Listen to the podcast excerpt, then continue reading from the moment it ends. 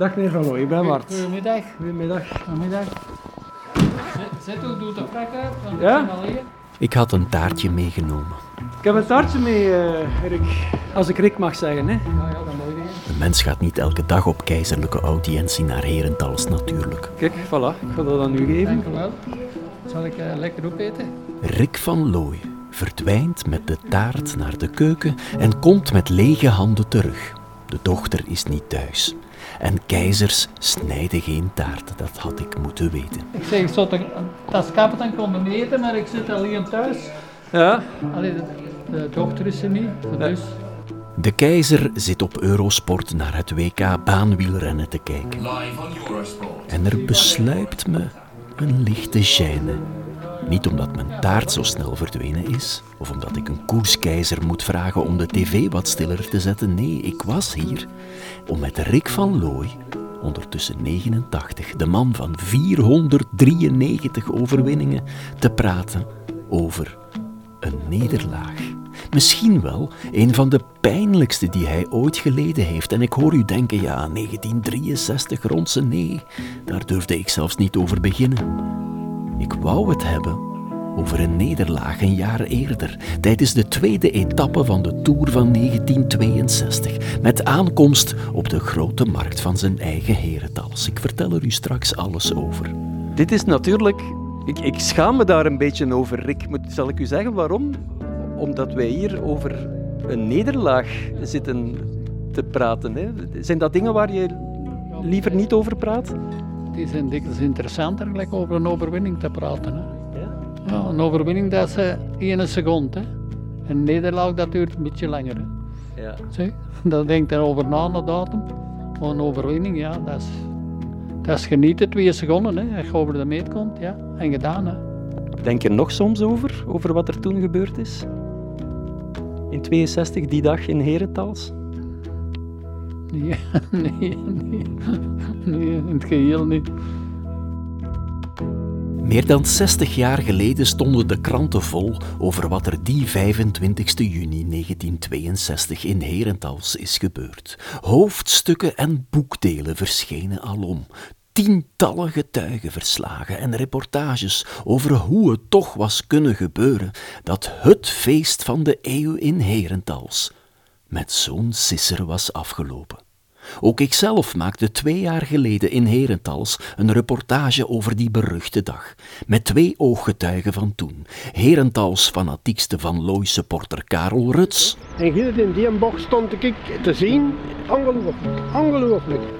En journalist Mark Helsen van het Nieuwsblad. Destijds stond op het midden van, van de grote markt, op de noordkant van de markt, stond de kiosk, de muziekkiosk, wat een, ja, een heel mooi gebouw was toen. En als kleine jongen ja, had ik daar geen enkel zicht tussen die mensenmassa, dus ik kroop op de kiosk, die ook helemaal gevuld was met mensen, maar ik klauterde op de smeedijzeren omheining. Ik greep een paal vast en daar had ik een schitterend zicht. Maar in al die tijd was er één kroongetuige die nog nooit had gesproken. Rick van Looy zelf. En dus wou ik eindelijk van hem zelf horen of wat er in mijn oude reportage verteld werd door Karel en Mark strookt met de enige realiteit die ertoe doet. Die van Rick van Looy zelf. Dan moet ik weer terug gaan. Hè. Ah, ja, wat jaar was die? 61. Hè? 62, Hè? Ik ga hebben al 90 jaar worden, zo dus. ja. Hoe lang is dat geleden? Kun jij dat uitrekenen? Het is meer dan 60 jaar geleden, hè? Voilà. Kan eens luisteren, Rick. 25 juni 1962. De negenjarige Mark Helze stapt lichtjes opgewonden richting Grote Markt van Herentals. Ik was een kleine jongen toen, hè, eh, amper negen jaar. En ik was van bij mijn grootmoeder, die aan het station woonde, te voet. En ik mocht het dan alleen blijkbaar, naar de grote markt gekomen in Herentals. Naarmate mijn reportage vordert, breng ik mijn microfoon dichter bij de mond van de keizer, die aandachtig en met een lichte frons zit te luisteren. Ik hoop zijn spontane reactie voor het nageslacht vast te leggen. Maar dat is niet helemaal naar zijn zin. Dat is zijn verhaal dat hij naar de koers gaat. Hè. jij stelt die vraag anders hè, aan mij. Dat is niet, dat is niet juist. Hè. Hè? Ah ja. Hij heeft het gezien van op zijn plaats natuurlijk.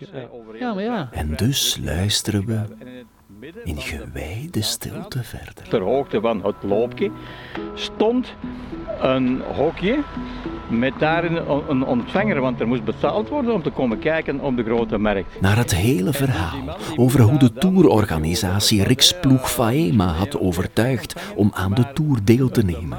Faima die, die reed alleen liefst de ronde van Italië, de ronde van Spanje, maar de ronde van Frankrijk interesseerde die, die jaren daarvoor niet voor als ik wereldkampioen was. Dus toen ik in 62 dat ik juist gehaald heb, de ronde van Frankrijk gaan rijden.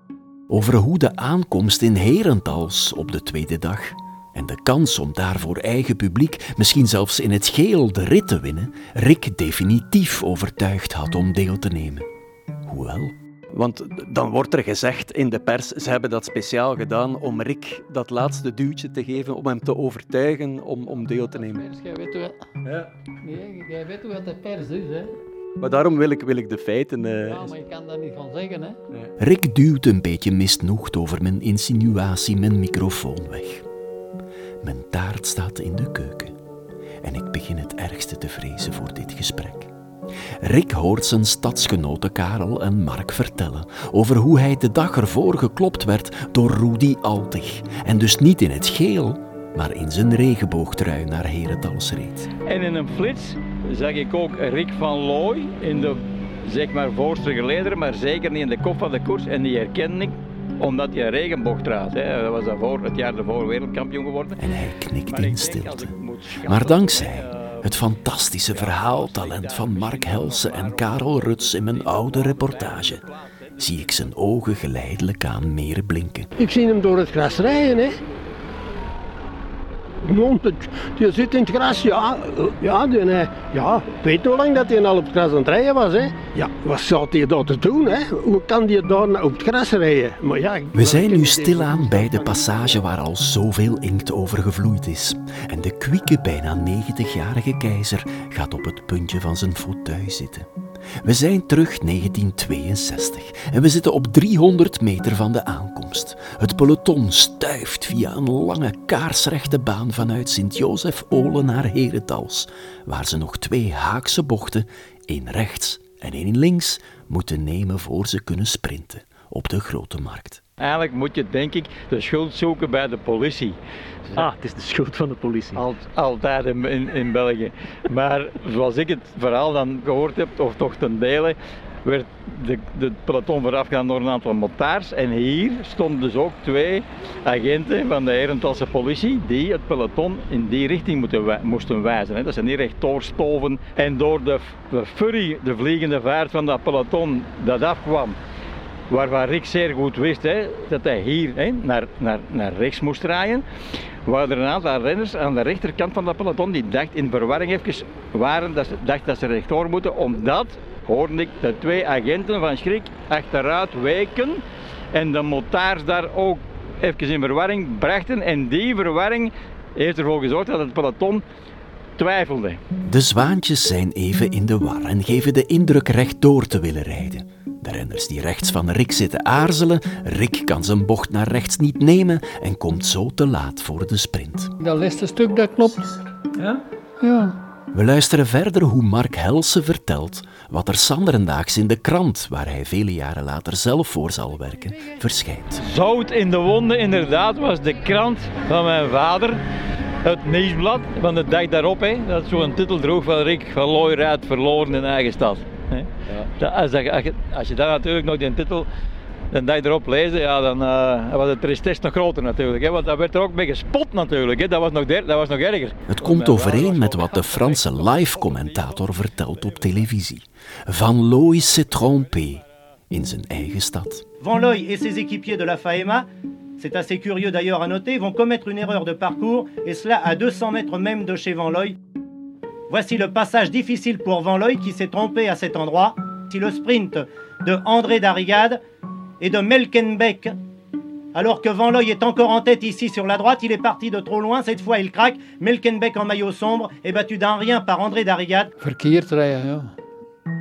weer opgehouden, hè, moet te zeggen. Hè. Gelijk dat hij vertelde, dat klopt.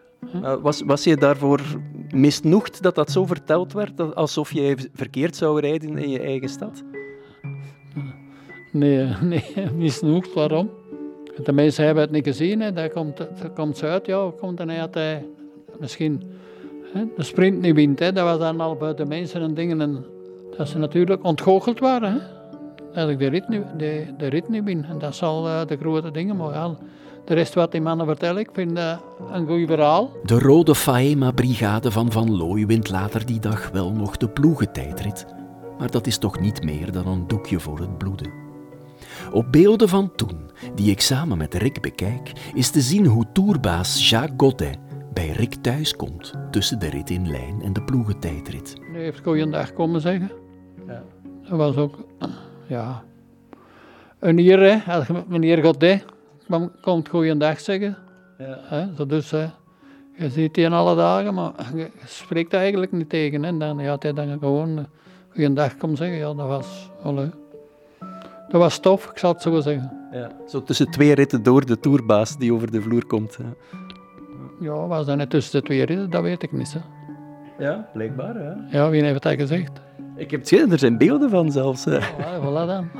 Dus, also, dus dat zal dat wel waar zijn, hè, want ik weet het zelf niet. Hè. De beelden van de ploegentijdrit zijn ronduit indrukwekkend. En Rick leeft helemaal op. Emmené tambour battant par Van Looy, ici le kilomètre est couvert en tenez-vous bien 58 secondes, c'est-à-dire près de 62 km de moyenne horaire. Hoe hadden we gereden? 62 per uur gemiddeld. Hmm. Maar je moet zien, hè. Oh, als de tijdrit rijden, nu rijden ze allemaal in, in op kop, een kilometer. Uh, hier rijden ze wel gewoon een ketting. Hè. Ja. Alle 100 meter of 200 meter aflossen. Ja. Als je zegt, als wij dat 62 gemiddeld rijden toen al, zeg. Nederlagen blijven langer hangen dan overwinningen, zei de keizer in het begin van dit verhaal. Maar Rick heeft er in al die jaren zijn slaap niet voor gelaten. Zoveel is duidelijk. Was jij zonder wat er daar gebeurd is, dat is voorwaardelijk natuurlijk, hè, in staat om Darigade te kloppen? Die ronde in het ge... Allee, we hebben nog tien ritten gereden en ik heb geen rit gewonnen. Dus Darigade was al de renner die net zoveel ritten gewonnen heeft in Tour de France. Dus dat was hij in de, in de Tour de France toch zeker. Ja. Ik heb hem dan jaren na de, de jaren, volgende jaren heb ik die wel geklopt gehad. Maar ja, hij heeft mij ook geklopt. Hè. Dat is, uh, als sprinter is dat zo. Hè. Je kunt winnen, maar je kunt ook gemakkelijk verliezen. Hè. En ook over de pech die hem later in die Tour nog zou overkomen, is de keizer berustend. Na tien etappes moest hij al opgeven. Ja, geballen. Allee. Mijn motto, hè, die aan het gebal is in de groep. Ja, die had mij meegepakt. En ja, dan ben ik in Point Gastel beland. Hè. Ja. Tien dagen, twaalf dagen. Mijn nier die gescheurd was. Maar ja, dat is gelukkig goed afgelopen. Rick van Looy zou nog zes keer terugkeren naar de Tour. Eindigt tiende in 1963, wint in totaal negen ritten en één keer het groen. Het zou verkeerd aanvoelen om dat hier niet te vermelden. En toch wil ik nog één keer terug naar die noodlottige dag van het verknalde feest in Herentals. Was jij heel boos op die politieagenten toen? Op de politieagenten, waarom? Ja, wat Mark Helsen zegt. Hè. Mark Helsen zegt, het was eigenlijk de schuld van de politie. De politie ja. Nee? nee? Het was de zwaantjes, zal ik maar zeggen, die bij ons reden. Hè. Die reden recht Die politie moesten gaan lopen. Hè. Die politie van Herentals, die konden daar niks aan doen. Hè. Dan komt er zo een vloot af van, van zwaantjes, zal ik maar zeggen. Ja. Ja, voilà. Dat is het. Dat is het, dat is het. De geschiedenis kan nu definitief en zonder gissen geschreven worden. En de conclusie is er één waar jonge mensen zich amper nog iets kunnen bij voorstellen. Het is de schuld van de zwaantjes, van de Rijkswacht dus, en niet van de lokale Herentalse politie. Als u nu nog een argument zocht om de eenmaking van de politiediensten in 1998 te verdedigen, wel, hier hebt u het. Was ze er in 1962 al van gekomen, dan waren ze in Herentals nu nog aan het feesten. Ja, ja voilà. dat is het. Dat is het, dat is het.